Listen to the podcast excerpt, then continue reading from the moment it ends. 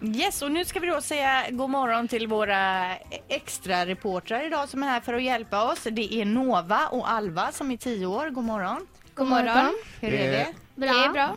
Nova, det är, ni, hade skrivit, eh, ni hade skrivit till oss här Ja. och berättat att, eh, ni, vad tycker ni att det här jobbet verkar roligt? Mm.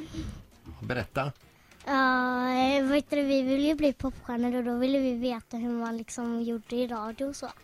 Ja. Och du skrev att ni gärna ha- ni tyck, tyckte det vore roligt för att komma hit och snacka lite. Ni är också duktiga på att dansa. Ja. Ja, vi ska filma er tänkte vi sen när ni kör er dans. Men er huvudsakliga uppgift här hos oss idag, vad är den? Att intervjua Molly Pettersson Hammar. Gud vad de är synkade. Nej, är ni enäggstvillingar? Men, a, a, Alva, har ni, har ni läst på mycket om Molly eller visste ni mycket innan? Ehm, sådär mycket. Ja. Eh, Nova och Alva, varsågoda, då är scenen er så att säga.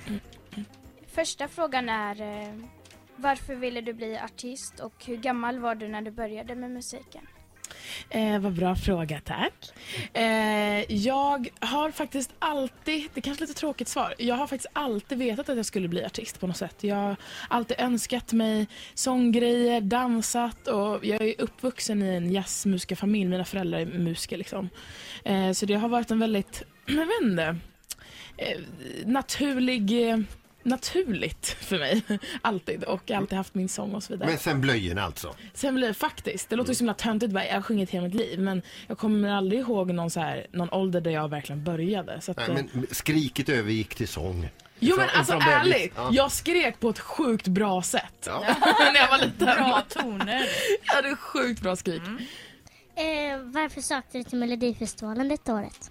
Eh, jag sökte till Mello för att det är ju en väldigt bra, bra bra tv-program att synas i. Det är väldigt mycket folk som tittar. Eh, och eh, ja, jag ville visa vem jag var och, och visa min låt helt enkelt.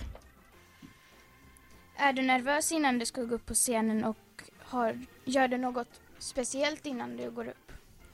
Eh, jag är självklart nervös innan jag går på scenen för att man bryr sig om liksom, eh, det här. Man vill ju göra så bra som möjligt eh, ifrån sig. Men eh, jag, brukar, jag brukar tänka på, jag brukar alltid säga att jag tänker på Zlatan.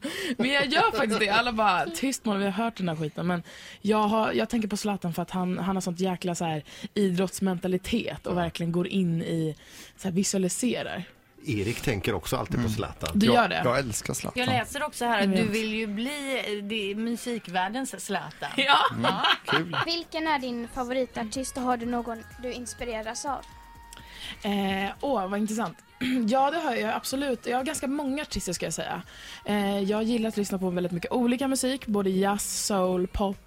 Eh, jag måste säga Beyoncé, absolut. Hon är ju väldigt vacker kvinna som har fina värderingar och står för väldigt eh, bra grejer. Så att henne måste jag säga. Och så sjunger hon Ärslet av alla, eh, vilket, ja, det är ju min dröm också liksom. eh, och Aretha Franklin ska jag säga. Eh, om du skulle vilja vara ett djur, vilket skulle du vilja vara då och varför? Ett djur? Åh, vad gullig fråga! Eh, men det är klart, jag vill ju jättegärna vara ett djur. Eh, vad heter det? Jag skulle vilja vara en häst faktiskt. Så de är så s- powerful och vackra och ändå liksom ofta snälla. Bra. Tack så Nova och jättemycket. Alva, 10 år Ja, alltså. vad Det är en duktiga. applåd. Var det kul tjejer tycker ni? Ja, 1 till 10, hur kul var det? tio. Tio. Eh, Molly Pettersson Hammar, hur kul var det att vara här? Nej, det var fan elva. Ja, okej. Ett poddtips från Podplay. I podden Något Kaiko garanterar östgötarna Brutti och jag, Davva, dig en stor dos skratt.